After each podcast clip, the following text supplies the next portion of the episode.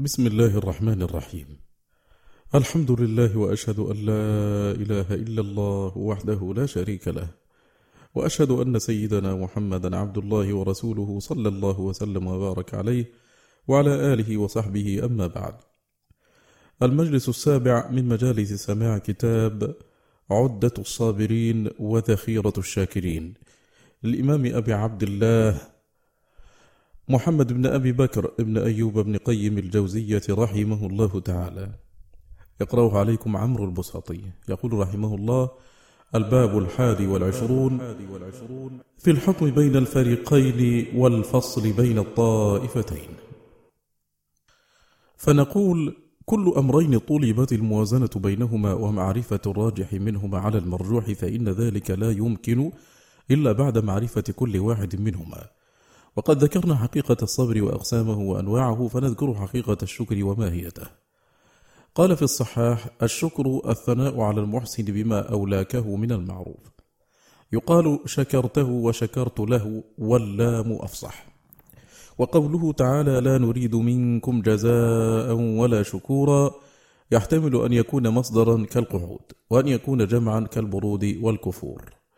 والشكران خلاف الكفران، وتشكرت له مثل شكرت له.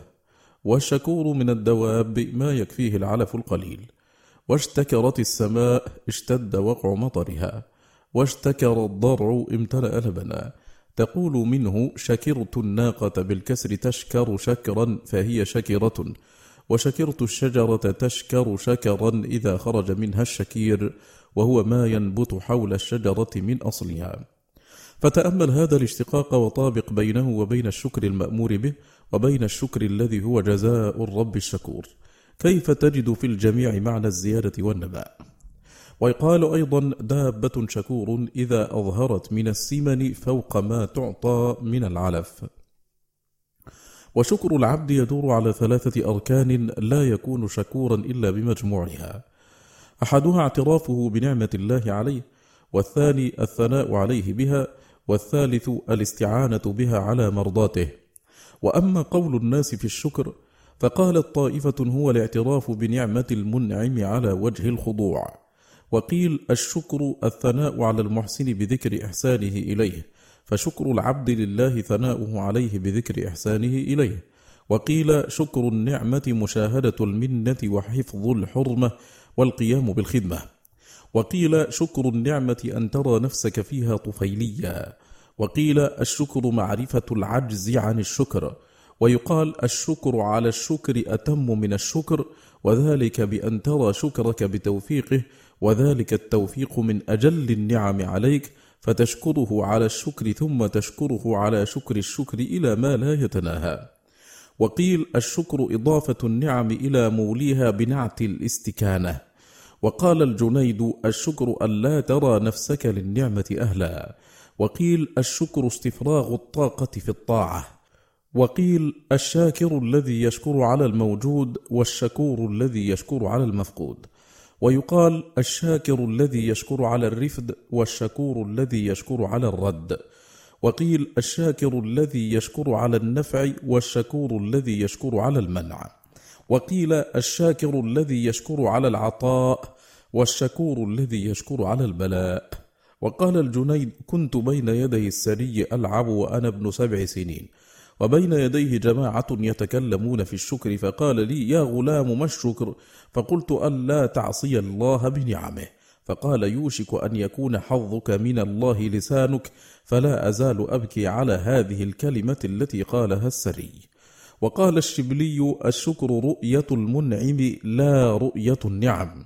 وهذا ليس بجيد بل من تمام الشكر أن تشهد النعمة من المنعم. وقيل الشكر قيد الموجود وصيد المفقود. وقال أبو عثمان شكر العامة على المطعم والملبس وشكر الخواص على ما يرد على قلوبهم من المعاني. وحبس السلطان رجلا فأرسل إليه صاحبه أشكر الله فضرب فأرسل إليه أشكر الله فجيء بمحبوس مجوسي مبطون فقيد وجعل حلقة من قيده في رجله وحلقة في قيد الرجل المذكور. فكان المجوسي يقوم بالليل مرات فيحتاج الرجل أن يقف على رأسه حتى يفرغ فكتب إليه صاحبه أشكر الله فقال له إلى متى تقول أشكر الله وأي بلاء فوق هذا؟ فقال ولو وضع الزنار الذي في وسطه في وسطك كما وضع القيد الذي في رجله في رجلك ماذا كنت تصنع؟ فاشكر الله. ودخل رجل على سهل بن عبد الله فقال إن اللص دخل داري وأخذ متاعي فقال أشكر الله فلو دخل اللص قلبك وهو الشيطان وأفسد عليك التوحيد ماذا كنت تصنع؟ وقيل الشكر التلذذ بثنائه على ما لم يستوجبه من عطائه. وقيل إذا قصرت يداك عن المكافأة فليطل لسانك بالشكر. وقيل أربعة لا ثمرة لها مسارة الأصم ووضع النعمة عند من لا يشكرها والبذر في السباخ والسراج في الشمس. والشكر يتعلق بالقلب واللسان والجوارح. فالقلب للمعرفة والمحبة واللسان للثناء والحمد والجوارح لاستعمالها في طاعة المشكور وكفها عن معاصيه. قال الشاعر أفادتكم النعماء عندي ثلاثة يدي ولساني والضمير المحجبا والشكر أخص بالأفعال والحمد أخص بالأقوال. وسبب الحمد أعم من سبب الشكر. ومتعلق الشكر وما به الشكر أعم مما به الحمد. فما يحمد الرب تعالى عليه أعم مما يشكر عليه فإنه يحمد على أسمائه وصفاته وأفعاله ونعمه ويشكر على نعمه وما يحمد به أخص مما يشكر به فإنه يشكر بالقلب واللسان والجوارح ويحمد بالقلب واللسان فصل فصل إذا عرف هذا فكل من الصبر والشكر داخل في حقيقة الآخر لا يمكن وجوده إلا به وإنما يعبر عن أحدهما باسمه الخاص به باعتبار الأغلب عليه والأظهر منه. وإلا في حقيقة الشكر إنما يلتئم من الصبر والإرادة والفعل فإن الشكر هو العمل بطاعة الله عز وجل وترك معصيته والصبر أصل ذلك. فالصبر على الطاعة وعن المعصية هو عين الشكر وإذا كان الصبر مأمورا به فأداؤه هو الشكر. فإن قيل فهذا يفهم منه اتحاد الصبر والشكر وأنهما اسمان لمسمى واحد وهذا محال عقلا ولغة وعرفا وقد فرق الله سبحانه بينهما قيل بل هما معنيان متغايران وإنما بينا تلازمهما وافتقار كل واحد منهما في وجود ماهيته إلى الآخر. ومتى تجرد الشكر عن الصبر بطل كونه شكرا وإذا تجرد الصبر عن الشكر بطل كونه صبرا.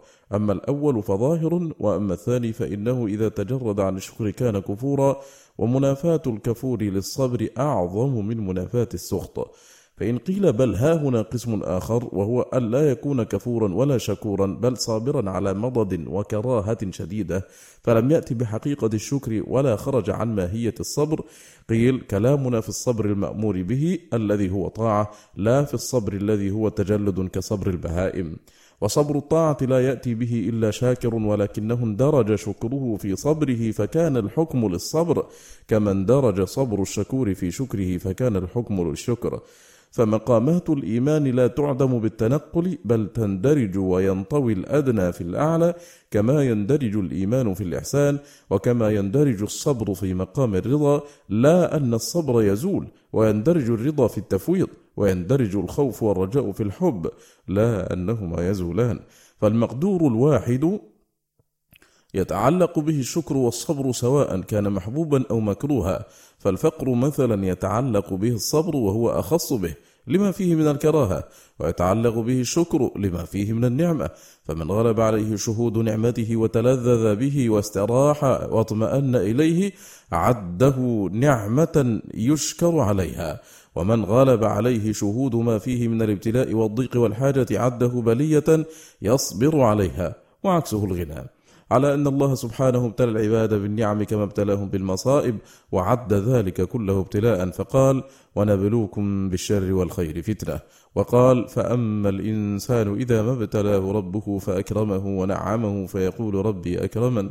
وأما إذا ما ابتلاه فقدر عليه رزقه فيقول ربي أهانا وقال إنا جعلنا ما على الأرض زينة لها لنبلوهم أيهم أحسن عملا. وقال هو الذي خلق الموت والحياة ليبلوكم أيكم أحسن عملا. وقال وهو الذي خلق السماوات والأرض في ستة أيام وكان عرشه على الماء ليبلوكم أيكم أحسن عملا. فأخبر سبحانه أنه خلق العالم العلوي والسفلي وقدر أجل الخلق وخلق ما على الأرض للابتلاء والاختبار وهذا الابتلاء إنما هو ابتلاء صبر العباد وشكرهم في الخير والشر والسراء والضراء فالابتلاء بالنعم من الغنى والعافية والجاه والقدرة وتأتي الأسباب أعظم الابتلاءين والصبر على طاعة الله عز وجل أشق الصبرين كما قال الصحابة رضي الله عنهم ابتلينا بالضراء فصبرنا وابتلينا بالسراء فلم نصبر. والنعمة بالفقر والمرض وقبض الدنيا وأسبابها وأذى الخلق قد تكون أعظم النعمتين. وفرض الشكر عليها أوجب من الشكر على أضدادها فالرب تعالى يبتلي بنعمه وينعم بابتلائه. غير أن الصبر والشكر حالتان لازمتان للعبد في أمر الرب ونهيه وقضائه وقدره لا يستغنى عنهما طرفة عين. والسؤال عن أيهما أفضل كالسؤال عن الحبس والحركة أيهما أفضل؟ وعن الطعام والشراب أيهما أفضل؟ وعن خوف العبد ورجائه أيهما أفضل؟ فالمأمور لا يؤدى إلا بصبر وشكر والمحظور لا يترك إلا بصبر وشكر.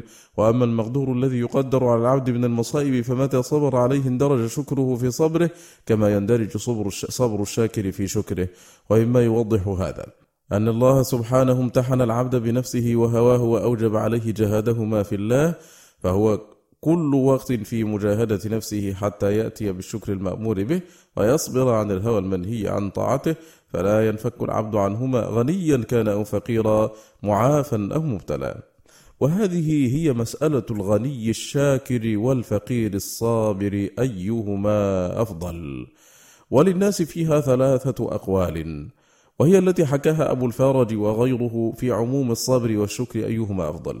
وقد احتجت كل فرقة بحجج وأدلة على قولها والتحقيق أن يقال أفضلهما أتقاهما لله فإن فرض استواؤهما في التقوى استويا في الفضل فإن الله سبحانه لم يفضل بالفقر والغنى كما لم يفضل بالعافية والبلاء وإنما فضل بالتقوى. كما قال تعالى إن أكرمكم عند الله أتقاكم.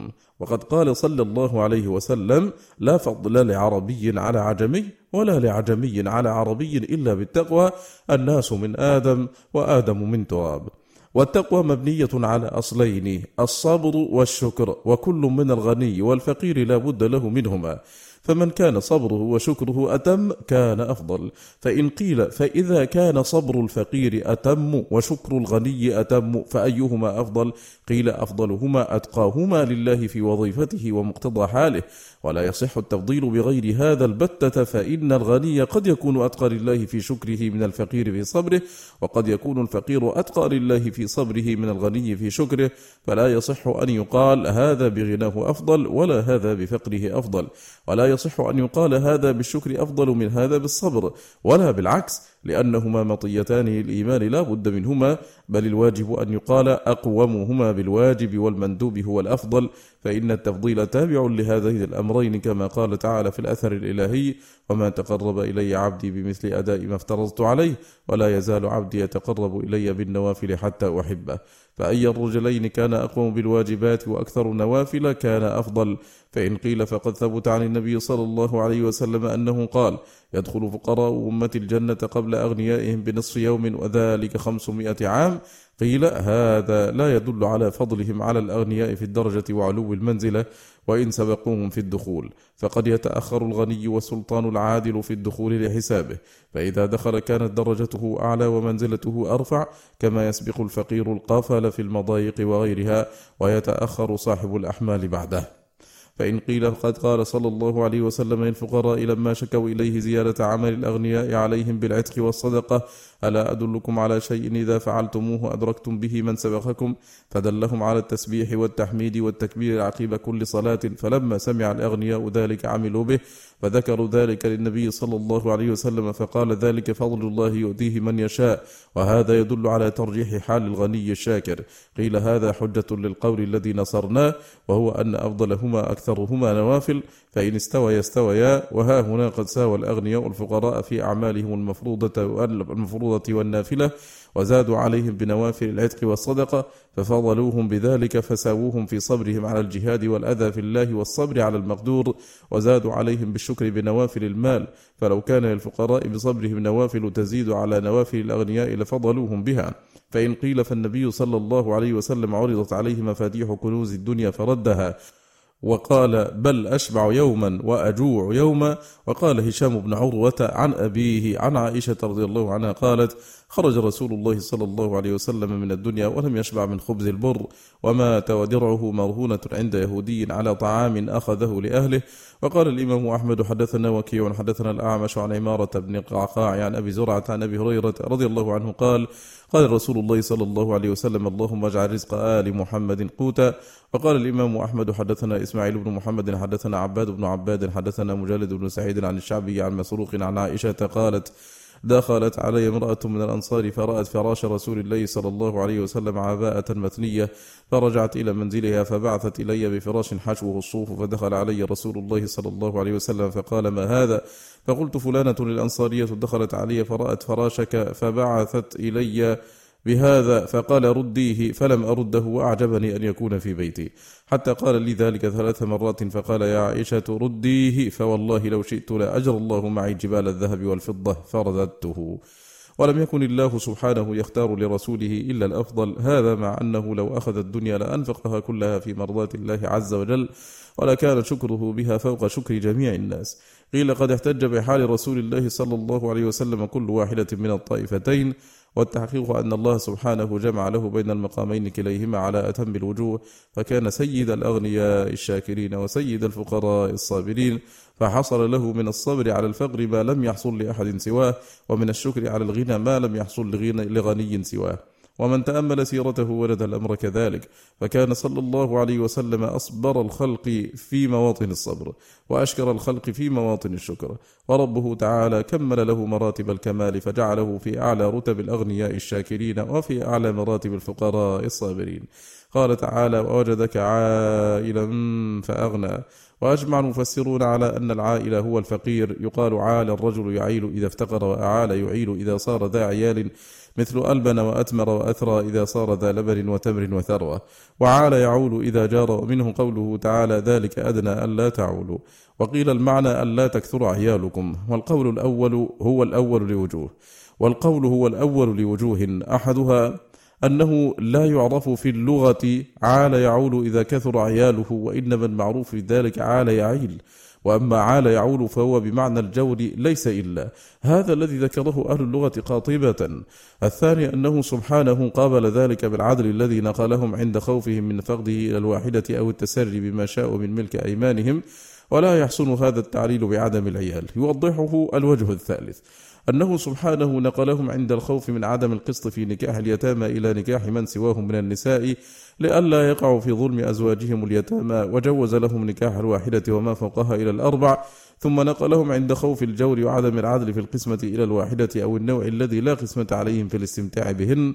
وهن الإماء فانتظمت الآية ببيان الجائز من نكاح اليتامى والبوالغ والأولى من ذينك القسمين عند خوف الظلم والجائز من نكاح الواحدة وما فوقها والأولى من هذين القسمين عند خوف العول فما لكثرة العيال مدخل هنا البتة. يوضحه الوجه الرابع أنه لو كان المحذور كثرة العيال لما نقلهم إلى ما شاءوا من الإماء بلا عدد فإن العيال كما يكونون من الزوجات يكونون من الإماء ولا فرق. فإنه لم ينقلهم إلى إماء الاستخدام بل إلى إماء الاستفراش يوضحه. الوجه الخامس أن كثرة العيال ليس أمرا محذورا مكروها للرب تعالى. كيف وخير هذه الأمة أكثرها نساء؟ وقد قال صلى الله عليه وسلم تزوجوا الودود الولود فإني مكاثر بكم الأمم. فأمر بنكاح الولود ليحصل منها ما يكاثر به الأمم يوم القيامة. والمقصود أنه سبحانه جعل نبيه غنيا شاكرا بعد أن كان فقيرا صابرا. فلا تحتج به طائفة لحالها إلا كان للطائفة الأخرى أن تحتج به أيضا لحالها. فإن قيل فقد كان عبد الرحمن بن عوف من الشاكرين. وقد قال الإمام أحمد في مسنده حدثنا عبد الصمد حدثنا عمارة عن ثابت عن أنس قال بينما عائشة في بيتها سمعت صوتا في المدينة فقالت ما هذا؟ فقالوا عير لعبد الرحمن بن عوف قدمت من الشام تحمل من كل شيء. قال وكانت سبعمائة بعير. فارتجت المدينة من الصوت فقالت عائشة سمعت رسول الله صلى الله عليه وسلم يقول رأيت عبد الرحمن بن عوف يدخل الجنة حبوا فبلغ ذلك عبد الرحمن فقال إن استطعت لأدخلنها قائما فجعلها بأقتابها وأحمالها في سبيل الله. قيل قد قال الإمام أحمد هذا الحديث كذب منكر. قال وعمارة يروي أحاديث مناكير. وقال أبو حاتم الرازي عمارة بن زاذان لا يحتج به. وقال أبو الفرج وقد روى الجراح بن منهال وقد روى الجراح بن منهال بإسناده عن عبد الرحمن بن عوف أن النبي صلى الله عليه وسلم قال له يا ابن عوف إنك من الأغنياء وإنك لا تدخل الجنة إلا زحفا فأقرض ربك يطلق قدميك. قال أبو عبد الرحمن النسائي هذا حديث موضوع والجراح متروك الحديث. وقال يحيى ليس حديث الجراح بشيء. وقال ابن المديني لا يكتب حديثه. وقال ابن حبان كان يكذب. وقال الدار قطني متروك. فإن قيل فما تصنعون بالحديث الذي رواه البيهقي من حديث أحمد بن عدي حدثنا إسماعيل بن محمد حدثنا سليمان بن عبد الرحمن أخبرني خالد بن يزيد بن أبي مالك عن أبيه عن عطاء بن أبي رباح عن إبراهيم بن عبد الرحمن بن عوف عن أبيه عن رسول الله صلى الله عليه وسلم أنه قال له يا ابن عوف إنك من الأغنياء ولن تدخل الجنة إلا زحفا فأقرض الله يطلق لك قدميك. قال وما الذي أقرض يا رسول الله؟ قال تتبرأ مما أمسيت فيه قال من كله أجمع يا رسول الله. قال نعم. فخرج ابن عوف وهو يهم بذلك. فأتاه جبريل عليه السلام فقال مر ابن عوف فليضف الضيف وليطعم المسكين وليبدأ بمن يعول وليعطي السائل. فإذا فعل ذلك كان تزكية ما فيه. قيل هذا حديث باطل عن رسول الله صلى الله عليه وسلم فإن أحد رواته خالد بن يزيد بن أبي مالك قال الإمام أحمد ليس بشيء وقال ابن معين واهن وقال النسائي وغير ثقة وقال الدار قطني ضعيف وقال يحيى بن معين لم يرضى أن يكذب على أبيه حتى كذب على الصحابة. فإن قيل فما تصنعون بالحديث الذي قال الإمام أحمد حدثنا الهذيل بن ميمون عن مطرح بن يزيد عن عويد الله بن زحر عن علي بن يزيد عن القاسم عن أبي أمامة قال قال رسول الله صلى الله عليه وسلم دخلت الجنة فسمعت فيها خشفة بين يدي فقلت ما هذا؟ قال بلال. فمضيت فإذا أكثر أهل الجنة فقراء المهاجرين وذراري المسلمين ولم أر فيها أحدا أقل من الأغنياء والنساء. قيل لي أما الأغنياء فهم في الباب يحاسبون ويمحصون وأما النساء فألهاهن الأحمران الذهب والحرير. ثم خرجنا من أحد أبواب الجنة الثمانية فلما كنت عند الباب أتيت بكفة فوضعت فيها فوضعت فيها ووضعت أمتي في كفة فرجحت بها ثم أتي بأبي بكر فوضع في كفة وجيء بجميع أمتي فوضعوا في كفة فرجح أبو بكر ثم أتي بعمر فوضع في كفة ووضع جميع أمتي في كفة فرجح عمر وعرضت علي أمتي رجلا رجلا فجعلوا يمرون واستبطأت عبد الرحمن بن عوف ثم جاء بعد الإياس فقلت عبد الرحمن فقال بأبي وأمي يا رسول الله والذي بعثك بالحق ما خلصت إليك حتى ظننت أني لا أصل إليك أبدا إلا بعد المشيبات. قلت وما ذاك؟ قال من كثرة مالي أحاسب فأمحص. قيل هذا حديث لا يحتج بإسناده وقد أدخله أبو الفرج هو والذي قبله في كتاب الموضوعات. وقال أما عبيد الله بن زحر فقال يحيى ليس بشيء وعلي بن يزيد متروك. وقال ابن حبان عبيد الله يروي الموضوعات عن الأثبات وإذا روى عن علي بن يزيد أتى بالطامات. وإذا اجتمع في إسناد خبر عبيد الله بن زحر وعلي بن يزيد والقاسم وأبو عبد الرحمن لم يكن متن ذلك الخبر إلا ما عملته أيديهم. وقال أبو الفرج وبمثل هذا الحديث الباطل يتعلق جهلة المتزهدين ويرون أن المال مانع من السبق إلى الخير ويقولون إذا كان ابن عوف يدخل الجنة زحفا لأجل ماله كفى ذلك في ذنب المال والحديث لا يصح. وحوشي عبد الرحمن المشهود له بالجنة أن يمنعه ماله السبق لأن جمع المال مباح وإنما المذموم كسبه من غير وجهه ومنع الحق الواجب فيه. وعبد الرحمن منزه عن الحالين. وقد خلف طلحة ثلاثمائة حمل من الذهب وخلف الزبير وغيره ولو علموا أن ذلك مذموم لأخرج الكل. وكم قاص يتشوف بمثل هذا الحديث يحث على الفقر ويذم الغنى؟ فلله در العلماء الذين يعرفون الصحيح ويفهمون الأصول. انتهى كلامه رحمه الله. قلت وقد بالغ في رد هذا الحديث وتجاوز في إدخاله في الأحاديث الموضوعة المختلقة على رسول الله صلى الله عليه وسلم وكأنه استعظم احتباس عبد الرحمن بن عوف وهو أحد السابقين الأولين المشهود لهم بالجنة عن السابق إليها ودخوله الجنة حبوا ورأى ذلك مناقضا لسبقه ومنزلته التي أعدها الله له في الجنة وهذا وهم منه رحمه الله. وهب أنه وجد السبيل إلى الطعن في هذين الخبرين أفيجد سبيلا إلى القدح في حديث أبي هريرة رضي الله عنه أن رسول الله صلى الله عليه وسلم قال يدخل فقراء المسلمين الجنة قبل أغنيائهم بنصف يوم وهو خمسمائة عام قال الترمذي حديث حسن صحيح وفي حديث ابن عمرو الذي رواه مسلم في صحيحه عن النبي صلى الله عليه وسلم إن فقراء المهاجرين يسبقون الأغنياء يوم القيامة بأربعين خريفا وفي مسند الإمام أحمد عنه عن النبي صلى الله عليه وسلم هل تدرون أول من يدخل الجنة؟ قالوا الله ورسوله أعلم. قال فقراء المهاجرين الذين يتقى بهم المكاره يموت أحدهم وحاجته في صدره لا يستطيع لها قضاء وفي جامع الترمذي من حديث جابر عن النبي صلى الله عليه وسلم أنه قال يدخل فقراء أمة الجنة قبل الأغنياء بأربعين خريفا. فهذا الحديث وأمثاله صحيح صريح في سابق فقراء الصحابة إلى الجنة لأغنيائهم وهم في السبق متفاوتون فمنهم من يسبق بخمسمائة عام ومنهم من يسبق بأربعين عاما. ولا يقدح ذلك في منزلة المتأخرين في الدخول فإنهم قد يكونون أرفع منزلة ممن سبقهم إلى الدخول وإن تأخروا بعدهم للحساب.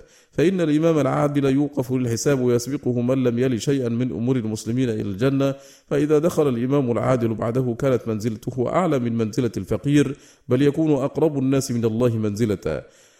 منزلة كما في صحيح مسلم من حديث عبد الله بن عامر عن النبي صلى الله عليه وسلم أنه قال المقسطون عند الله يوم القيامة على منابر من نور عن يمين الرحمن وكلتا يديه يمين الذين يعدلون في حكمهم وأهليهم وما ولوا. وفي الترمذي من حديث أبي سعيد الخدري رضي الله عنه عن النبي صلى الله عليه وسلم إن أحب الناس إلى الله يوم القيامة وأقربهم مني مجلسا إمام عادل وأبغض الناس إلى الله يوم القيامة وأشدهم عذابا إماما إمام جائر. فالإمام العادل والغني قد يتأخر دخوله للحساب ويكون بعد الدخول أرفع منزلة من الفقير السابق ولا يلزم من احتباس عبد الرحمن بن عوف لكثرة ماله حتى يحاسبه عليه ثم يلحق برسول الله صلى الله عليه وسلم وأصحابه ولا غضاضة ولا نقص من مرتبته ولا يضاد ذلك سبقه وكونه مشهودا له بالجنة. وأما حديث دخوله الجنة زحفا فالأمر فيه كما قاله الإمام أحمد أنه كذب منكر وكما قال النسائي إنه موضوع. ومقامات عبد الرحمن في الإسلام وهجرته وجهاده ونفقاته العظيمة وصدقاته تقتضي دخوله إلى الجنة مع المارين كالبرق أو كالطرف أو كأجاويد الخيل ولا يدعه يدخلها زحفا. فصل. فصل. والله سبحانه كما هو خالق الخلق فهو خالق ما به غناهم وفقرهم وخالق غناهم غناهم وفقرهم. فخلق الغنى والفقر ليبتلي بهما عباده أيهم أحسن عملا وجعلهما سببا للطاعة والمعصية والثواب والعقاب. قال تعالى ونبلوكم بالشر والخير فتنة وإلينا ترجعون.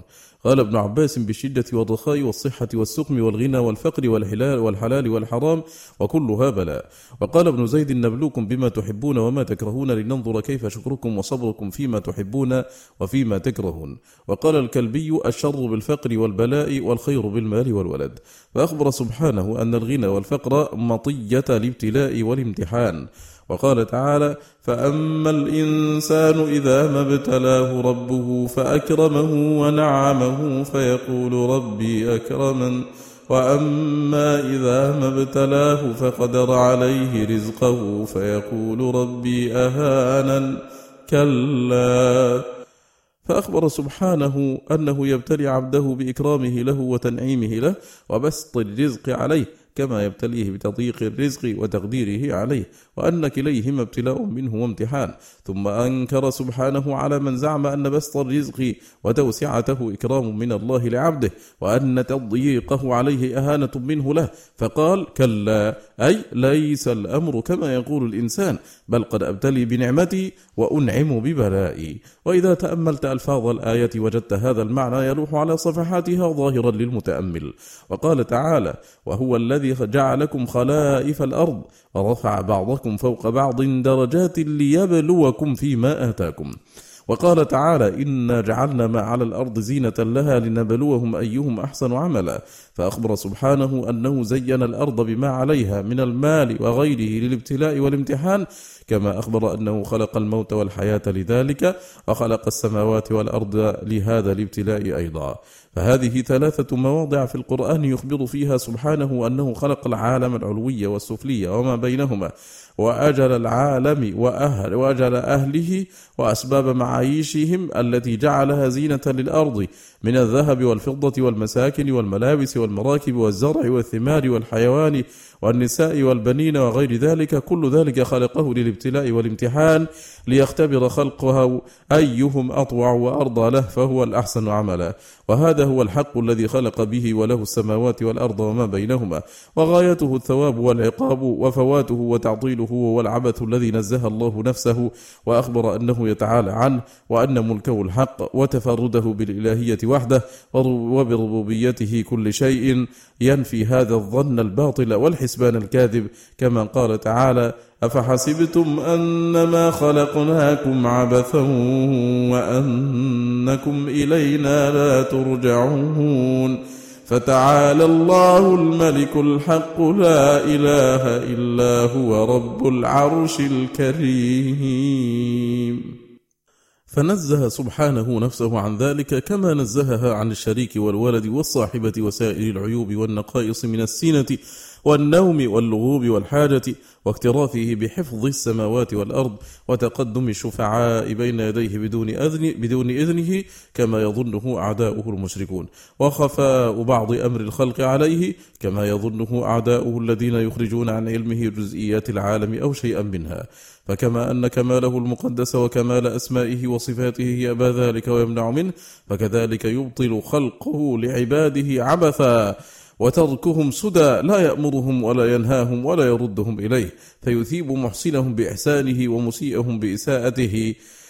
ويعرف المبطلين منهم أنهم كانوا كاذبين ويشهدهم أن رسله وأتباعهم كانوا أولى بالصدق والحق منهم. فمن أنكر ذلك فقد أنكر إلهيته وربوبيته وملكه الحق. وذلك عين الجحود والكفر به سبحانه كما قال المؤمن لصاحبه الذي حاوره في المعاد وأنكره أكفرت بالذي خلقك من تراب ثم من نطفة ثم سواك رجلا؟ فأخبر أن إنكاره للمعاد كفر بذات الرب سبحانه وقال تعالى وإن تعجب فعجب قولهم أئذا كنا ترابا أئنا لفي خلق جديد أولئك الذين كفروا بربهم. وذلك أن إنكار المعاد يتضمن إنكار قدرة الرب وعلمه وحكمته وملكه الحق وربوبيته وإلهيته كما أن تكذيب رسله وجحد رسالتهم يتضمن ذلك أيضا. فمن كذب رسله وجحد المعاد فقد أنكر ربوبيته سبحانه ونفى أن يكون ربا للعالمين. والمقصود أنه سبحانه خلق الغنى والفقر مطيتين للابتلاء والامتحان ولم ينزل المال لمجرد الاستمتاع به كما في المسند عنه صلى الله عليه وسلم قال يقول الله تعالى إنا أنزلنا المال لإقام الصلاة وإيتاء الزكاة ولو كان لابن آدم واد من مال لابتغى إليه ثانية ولو كان له ثاني لابتغى له ثالثا ولا يملأ جوف ابن آدم إلا التراب. فأخبر سبحانه أنه أنزل المال ليستعان به على إقامة حقه بالصلاة وإقامة حق عباده بالزكاة لا للاستمتاع والتلذذ كما تأكل الأنعام. فإذا زاد المال على ذلك أو خرج عن هذين المقصودين فات الغرض والحكمة التي أنزل لها وكان التراب أولى به فرجع هو والجوف الذي امتلأ بمحبته وجمعه إلى التراب الذي هو أصله فلم ينتفع صاحبه به ولا انتفع الجوف الذي امتلأ به بما خلق له من الإيمان والعلم والحكمة فإنه خلق لأن يكون وعاء لمعرفة ربه وخالقه والإيمان به ومحبته وذكره وأنزل عليه من المال ما يستعين به على ذلك فعطل جوفه عما خلق له وملأه بمحبة المال وجمعه والاستكثار منه. ومع ذلك فلم يمتلئ بل ازداد فقرا وحرصا إلى أن امتلأ جوفه بالتراب الذي خلق منه.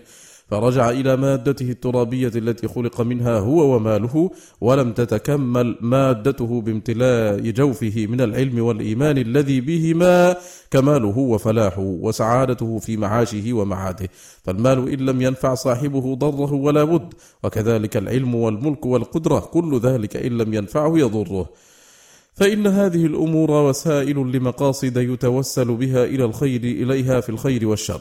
فإن عطلت عن التوسل بها إلى المقاصد والغايات المحمودة توسل بها إلى أضدادها فأربح الناس من جعلها وسائل إلى الله والدار الآخرة وذلك الذي ينفعه في معاشه ومعاده. وأخسر الناس من توسل بها إلى هواه ونيل شهواته وأغراضه.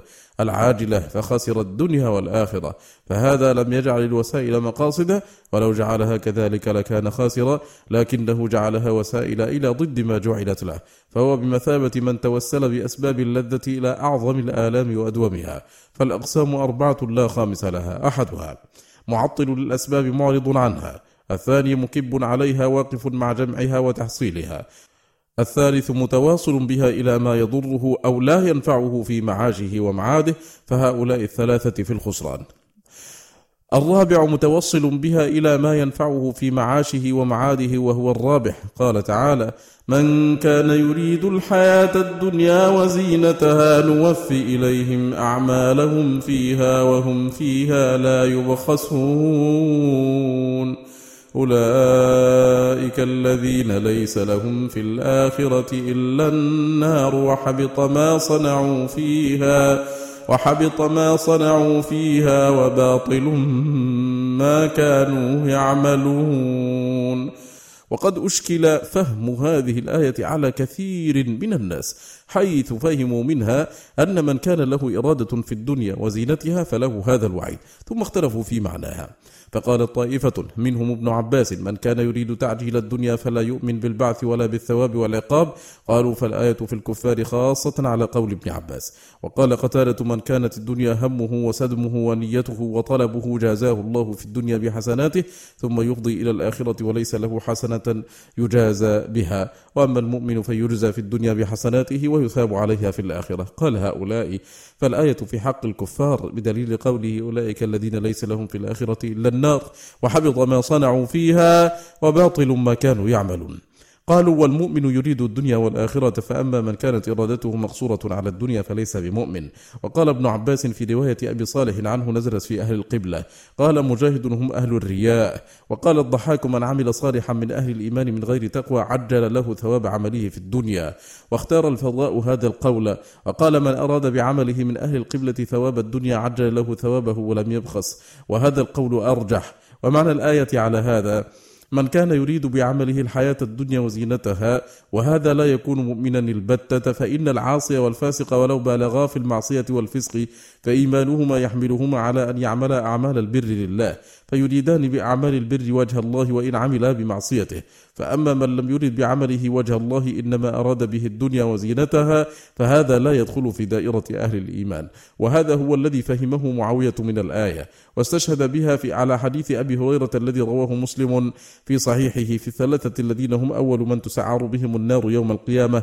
القارئ الذي قرأ القرآن ليقال فلان قارئ والمتصدق الذي أنفق أمواله ليقال فلان جواد والغازي الذي قتل في الجهاد ليقال هو جريء. وكما أن خيار خلق الله هم النبيون والصديقون والشهداء والصالحون. فشرار الخلق من تشبه بهم وليس منهم فمن تشبه بأهل الصدق والإخلاص وهو مرائي كمن تشبه بالأنبياء وهو كاذب. وقال ابن أبي الدنيا حدثني محمد بن إدريس قال أخبرني عبد الحميد بن صالح حدثنا قطر بن الحباب عن عبد الوارث عن أنس بن مالك قال قال رسول الله صلى الله عليه وسلم إذا كان يوم القيامة صارت أمتي ثلاث فرق فرقة يعبدون الله عز وجل للدنيا وفرقة يعبدون رياء وسمعة وفرقة يعبدونه لوجهه ولداره فيقول الذين يعبدونه للدنيا بعزة وجلال ومكان ما أردتم بعبادتي؟ فيقولون بعزتك وجلالك ومكانك الدنيا. فيقول إني لم أقبل من ذلك شيئا اذهبوا بهم إلى النار. ويقول الذين كانوا يعبدونه رياء وسمعة بعزتي وجلالي ومكاني ما أردتم بعبادتي فيقولون بعزتك وجلالك ومكانك رياء وسمعة. قال فإني لا أقبل من ذلك شيئا اذهبوا بهم إلى النار. ويقول الذين كانوا يعبدونه لوجهه وداره بعزتي وجلالي ومكاني ما أردتم بعبادتي. فيقولون بعزتك وجلالك ومكانك وجهك ودارك. فيقول صدقتم اذهبوا بهم إلى الجنة. هذا حديث غني عن الإسناد والقرآن والسنة شاهدان بصدقه ويدل على صحة هذا القول. ويدل على صحة هذا القول في الآية قوله تعالى نوفي إليهم أعمالهم فيها فدل على أنها في قوم لهم أعمال لم يريدوا بها وجه الله وإنما أرادوا بها الدنيا ولها عملوا فوفاهم الله ثواب أعمالهم فيها من غير بخس فأفضوا إلى الآخرة بغير عمل يستحقون عليه الثواب وهذا لا يقع ممن يؤمن بالآخرة إلا كما يقع منه كبائر الأعمال وقوعا عارضا يتوب منه ويراجع التوحيد. قال ابن الأنباري فعلى هذا القول المعنى قوم من أهل الإسلام يعملون العمل الحسن لتستقيم لهم الدنيا غير مفكرين في الآخرة وما ينقلبون إليه. فهؤلاء يعجل لهم جزاء حسناتهم في الدنيا. فإذا جاءت الآخرة كان جزاؤهم عليها النار إذ لم يريدوا بها وجه الله ولم يقصدوا التماس ثوابه وأجره. ثم أورد أصحاب هذا القول على أنفسهم سؤالا. قالوا فإن قيل الآية الثانية على هذا القول توجب تخليد المؤمن المريد بعمله الدنيا في النار وأجابوا عنه بأن ظاهر الآية يدل على أن من رأى بعمله ولم يلتمس به ثواب الآخرة بل كانت نيته به الدنيا فإن الله يبطل إيمانه عند الموافاة فلا يوافي ربه بالإيمان. قالوا ويدل عليه قوله وحبط ما صنعوا فيها وباطل ما كانوا يعملون. وهذا يتناول الإيمان وفروعه. وأجابت فرقة أخرى بأن الآية لا تقتضي الخلود الأبدي في النار وإنما تقتضي أن الذي يستحقونه في الآخرة النار وأنهم ليس لهم عمل صالح يرجون به النجاة. فإذا كان مع أحدهم عمود التوحيد فإنه يخرج به من النار مع من يخرج من أصحاب الكبائر الموحدين. وهذا جواب ابن الأنباري وغيره. والآية بحمد الله لا إشكال فيها. والله سبحانه ذكر جزاء من يريد بعمله الحياة الدنيا وزينتها وهو النار. وأخبر بحبوط عمله وبطلانه. فإذا حبط ما ينجو به وبطل لم يبق معه ما ينجيه فإن كان معه إيمان لم يرد به الحياة الدنيا وزينتها بل أراد به الله ورسوله والدار الآخرة لم يدخل هذا الإيمان في العمل الذي حبط وبطل. وأنجاه إيمانه من الخلود في النار. وإن دخلها بحبوط عمله الذي به النجاة المطلقة. فالإيمان إيمانان إيمان يمنع دخول النار وهو الإيمان الباعث على أن تكون الأعمال لله يبتغى بها وجهه وثوابه وإيمان يمنع الخلود في النار فإن كان مع المراء شيء منه وإلا كان من أهل الخلود. فالآية لها حكم نظائرها من آيات الوعيد والله الموفق. وكذلك قوله تعالى من كان يريد حرث الآخرة نزد له في حرثه ومن كان يريد حرث الدنيا نؤته منها وما له في الآخرة من نصيب. ومنه قوله تعالى من كان يريد العاجلة عجلنا له فيها ما نشاء لمن نريد ثم جعلنا له جهنم يصلاها مذموما مدحورا. ومن أراد الآخرة وسعى لها سعيها وهو مؤمن فأولئك كان سعيهم مشكورا.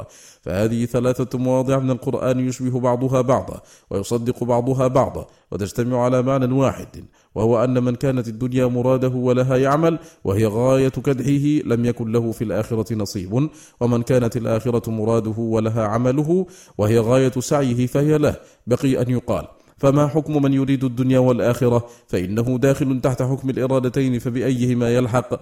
قيل من ها هنا نشأ الإشكال. وظن من ظن من المفسرين أن الآية في حق الكافر فإنه هو الذي يريد الدنيا دون الآخرة. وهذا غير لازم طردا ولا عكسا. فإن بعض الكفار قد يريد الآخرة وبعض المسلمين قد لا يكون مراده إلا الدنيا. والله تعالى قد علق السعادة بإرادة الآخرة والشقاوة بإرادة الدنيا فإذا تجردت الإرادتان تجرد موجبهما ومقتضاهما. وإن اجتمعتا فحكم اجتماعهما حكم اجتماع البر والفجور والطاعة والمعصية والإيمان والشرك في العبد. وقد قال تعالى لخير الخلق بعد الرسول صلى الله عليه وسلم منكم من يريد الدنيا ومنكم من يريد الآخرة. وهذا خطاب للذين شهدوا معه الوقعة ولم يكن فيهم منافق. ولهذا قال عبد الله بن مسعود ما شعرت أن أحدا من أصحاب رسول الله صلى الله عليه وسلم يريد الدنيا حتى كان يوم أحد ونزلت هذه الآية. والذين أرادوا في هذه الآية هم الذين أخلوا مركزهم الذي أمرهم رسول الله صلى الله عليه وسلم بحفظه وهم من خيار المسلمين. ولكن هذه إرادة عارضة حملتهم على ترك المركز والإقبال على كسب الغنائم بخلاف من كان مراده بعمله الدنيا وعاجلها. فهذه الإرادة لون وإرادة هؤلاء لون. وها هنا أمر يجب التنبه له. وهو أنه لا يمكن إرادة الدنيا وعجلها بأعمال البر دون الآخرة مع الإيمان بالله ورسوله ولقائه أبدا. فإن الإيمان بالله والدار الآخرة يستلزم إرادة العبد وجه الله والدار الآخرة بأعماله. فحيث كان مراده بها الدنيا فهذا لا يجامع الإيمان أبدا. وإن جامع الإقرار والعلم فالإيمان وراء ذلك. فالإقرار والمعرفة حاصل لمن شهد الله سبحانه له بالكفر مع هذه المعرفة كفرعون وقوم ثمود واليهود الذين شاهدوا رسول الله صلى الله عليه وسلم وعرفوه كما عرفوا أبناءهم وهم من أكثر الخلق. فإرادة الدنيا بالأعمال قد تجامع هذه المعرفة والعلم ولكن الإيمان الذي هو وراء ذلك لا بد أن يريد صاحبه بأعماله الله والدار الآخرة والله المستعان. فصل. فصل. والمقصود أنه سبحانه جعل الغنى والفقر ابتلاء وامتحانا للشكر والصبر والصدق والكذب والإخلاص والشرك. قال تعالى ليبلوكم فيما آتاكم. وقال ألف لام ميم. أحسب الناس أن يتركوا أن يقولوا آمنا وهم لا يفتنون؟ ولقد فتنا الذين من قبلهم فلا يعلمن الله الذين صدقوا ولا يعلمن الكاذبين. وقال تعالى إنما أموالكم وأولادكم فتنة والله عنده أجر عظيم. فجعل الدنيا عرضا عاجلا ومتاع غرور. وجعل الآخرة دار جزاء وثواب وحف الدنيا بالشهوات وزينها بها. كما قال زين للناس حب الشهوات من النساء والبنين والقناطير المقنطرة من الذهب والفضة والخيل المسومة والأنعام والحرث. ذلك متاع الحياة الدنيا والله عنده حسن المآب. فأخبر سبحانه أن هذا الذي زين به الدنيا من ملاذها وشهواتها وما هو غاية أماني طلابها ومؤثريها على الآخرة وهو سبعة أشياء.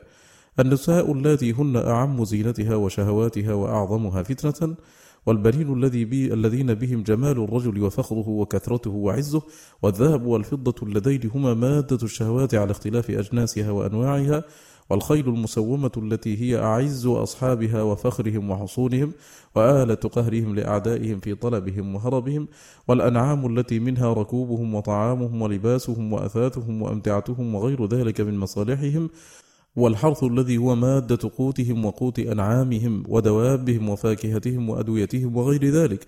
ثم أخبر سبحانه أن ذلك كله متاع الحياة الدنيا.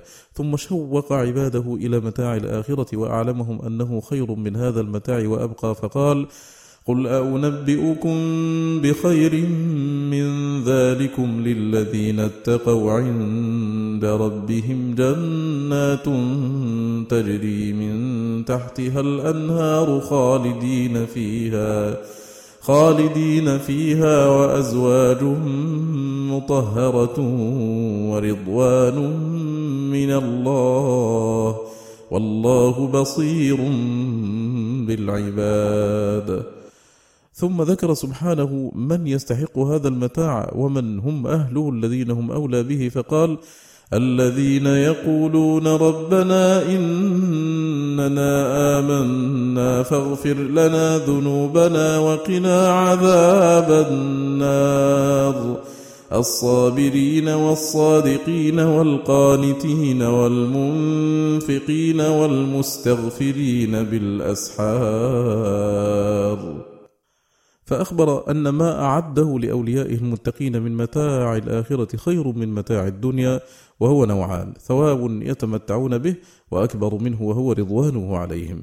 وقال تعالى اعلموا أنما الحياة الدنيا لعب ولهو وزينة وتفاخر بينكم وتكاثر في الأموال والأولاد كمثل غيث أعجب الكفار نباته ثم يهيج فتراه مصفرا ثم يكون حطاما.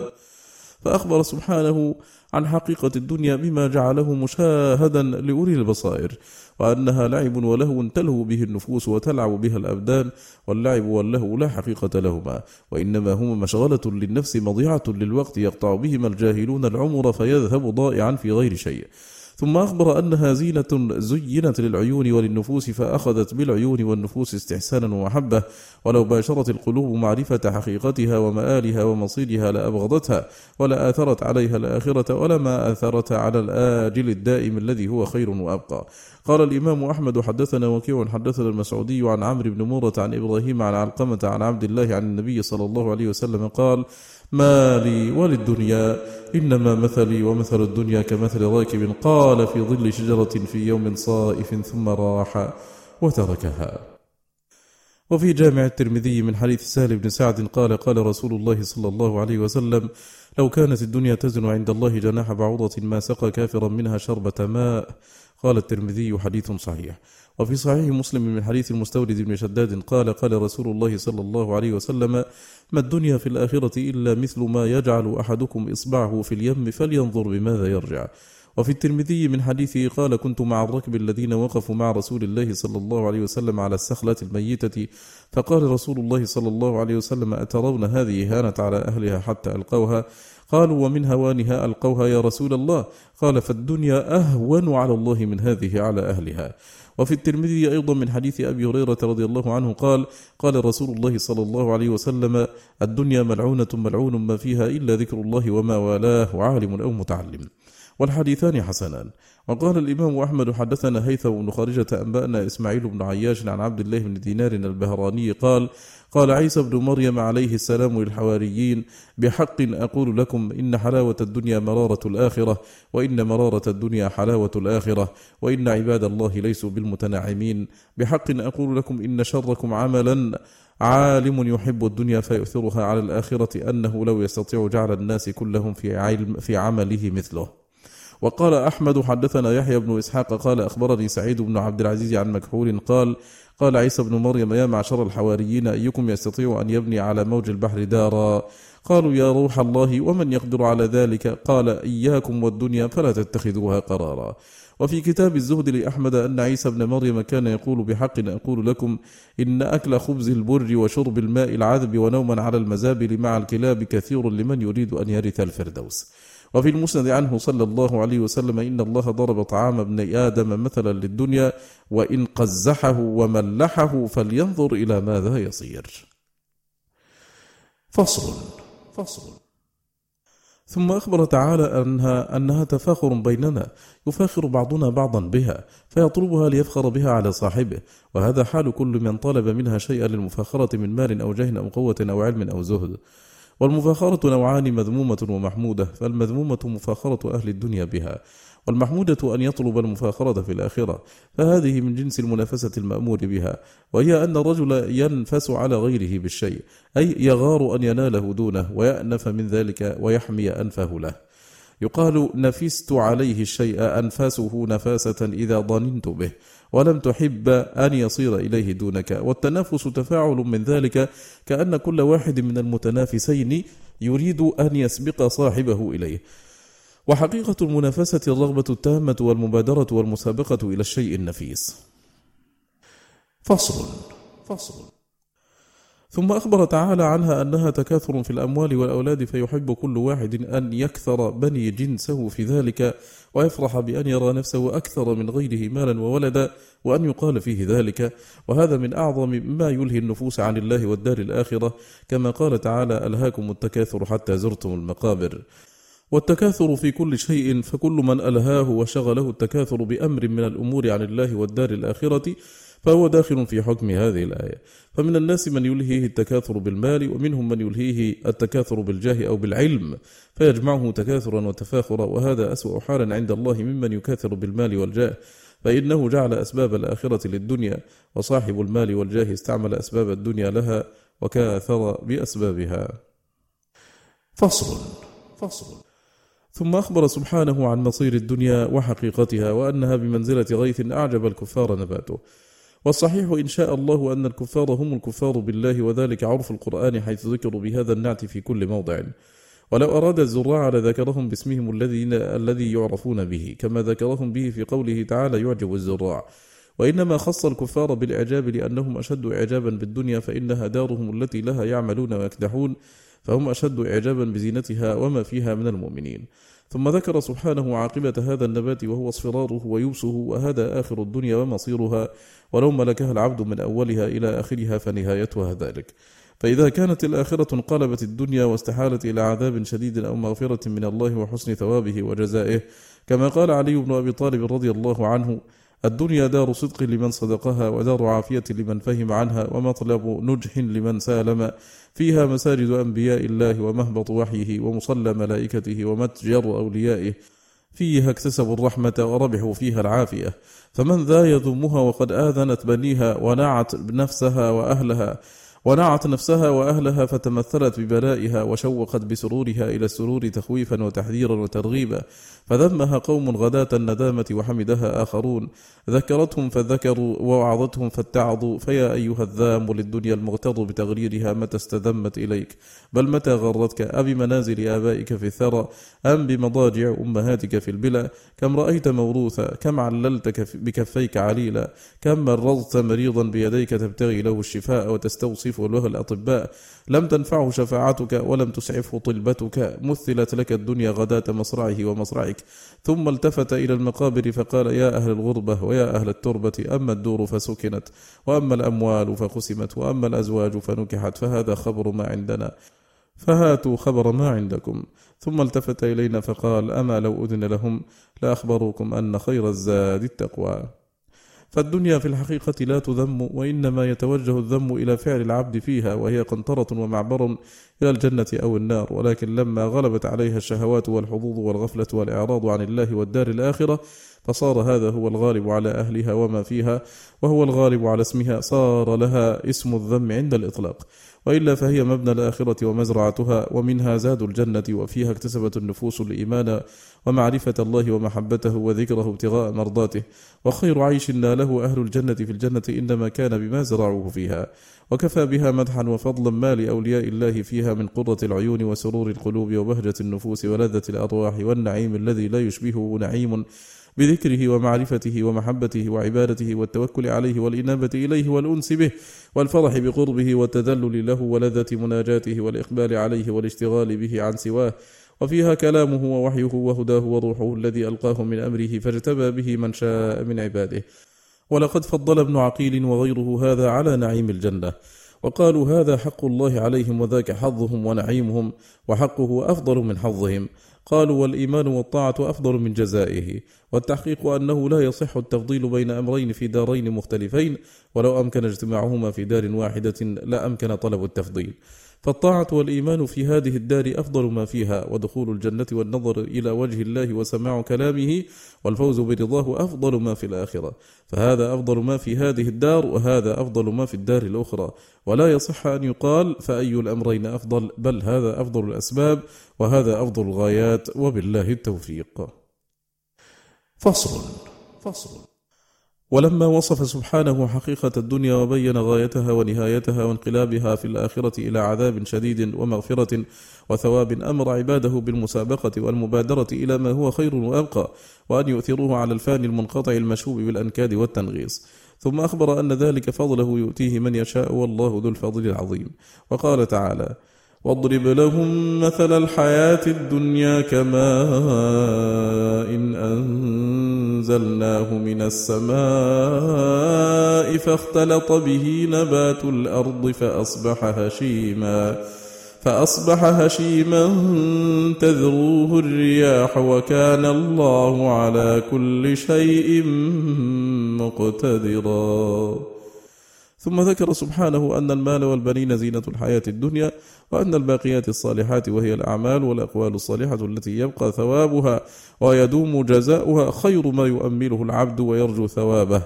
وقال تعالى إنما مثل الحياة الدنيا كماء إن أنزلناه من السماء فاختلط به نبات الأرض مما يأكل الناس والأنعام حتى إذا أخذت الأرض زخرفها وزينت وظن أهلها أنهم قادرون عليها أتاها أمرنا أتاها أمرنا ليلا أو نهارا فجعلناها حصيدا كأن لم تغن بالأمس.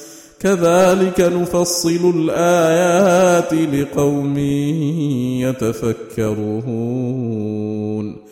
ولما أخبر عن آفات هذه الدار دعا عباده إلى دار السلام التي سالمت من التغيير والاستحالة والزوال والفناء وعم عباده بالدعوة إليها عدلا وخص من شاء بالهداية إلى طريقها فضلا.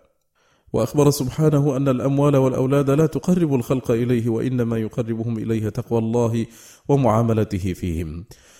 وحذر سبحانه عباده أن تلهيهم أموالهم وأولادهم عن ذكره وأخبر أن من فعل ذلك فهو الخاسر حقيقة لا من قل ماله وولده في الدنيا. ونهى نبيه صلى الله عليه وسلم أن يمد عينيه إلى ما متع به أهل الدنيا فيها فتنة لهم واختبارا فتنة لهم واختبارا وأخبر أن رزقه الذي أعده له في الآخرة خير وأبقى من هذا الذي متع به. وأخبر سبحانه أنه آتاه السبع المثاني والقرآن العظيم وذلك خير وأفضل مما متع به أهل الدنيا في دنياهم وجعل ما آتاه مانعا له من مد عينيه إلى ذلك فهذا العطاء في الدنيا وما ادخر له من رزق الآخرة خير مما متع به أهل الدنيا فلا تمدن عينيك إليه. فصل فصل. وإذا عرف أن الغنى والفقر والبلاء والعافية فتنة وابتلاء من الله لعبده يمتحن بها صبره وشكره علم أن الصبر والشكر مطيتان للإيمان لا يحمل إلا عليهما ولا بد لكل مؤمن منهما وكل منهما في موضعه أفضل فالصبر في مواطن الصبر أفضل والشكر في مواطن الشكر أفضل. هذا إن صح مفارقة كل منهما للآخر. وأما إذا كان الصبر جزء مسمى الشكر والشكر جزء مسمى الصبر وكل منهما حقيقة مركبة من الأمرين معا كما تقدم بيانه فالتفضيل بينهما لا يصح إلا إذا جرد أحدهما عن الآخر. وذلك فرض ذهني يقدره الذهن لا يوجد في الخارج ولكن يصح على وجه وهو أن العبد قد يغلب صبره على شكره الذي هو قدر زائد على مجرد الصبر من الأقوال والأعمال الظاهرة والباطنة فلا يبقى فيه اتساع لغير صبر النفس على ما هو فيه لقوة الوارد وضيق المحل فتنصرف قواه كلها إلى كف النفس وحبسها لله. وقد يغلب شكره بالأقوال والأعمال الظاهرة والباطنة على قوة كفه لنفسه وحبسها لله فتكون قوة إرادته وعمله أقوى من قوة امتناعه وحبس نفسه.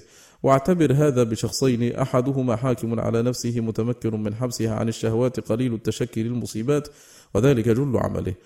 وآخر كثير الإعطاء لفعل الخير القاصر والمتعدي سمح النفس بذل المعروف والبر ضعيف النفس عن قوة الصبر. فللنفس قوتان قوة الصبر والكف وإمساك النفس وقوة البذل وفعل الخير والإقدام على فعل ما تكمل به. وكمالها باجتماع هاتين القوتين فيها. والناس في ذلك أربع طبقات فأعلاهم من اجتمعت له القوتان وأسفلهم من عدم القوتين. ومنهم من قوة صبره أكمل من قوة فعله وبذله ومنهم من هو بعكس ذلك. فإذا فضل الشكر على الصبر فإما أن يكون باعتبار ترجيح مقام على مقام وإما أن يكون باعتبار تجريد كل من الأمرين عن الآخر وقطع النظر عن اعتباره. وتمام إيضاح هذا بمسألة الغني الشاكر والفقير الصابر فلنذكر لها بابا يخصها ويكشف عن وجه الصواب فيها. والله أعلم. إلى هنا ينتهي مجلسنا هذا. على خير بإذن الله نلقاكم في مجلس آخر. وصلى الله وسلم وبارك على سيدنا محمد وآله وصحبه. والسلام عليكم ورحمة الله تعالى وبركاته.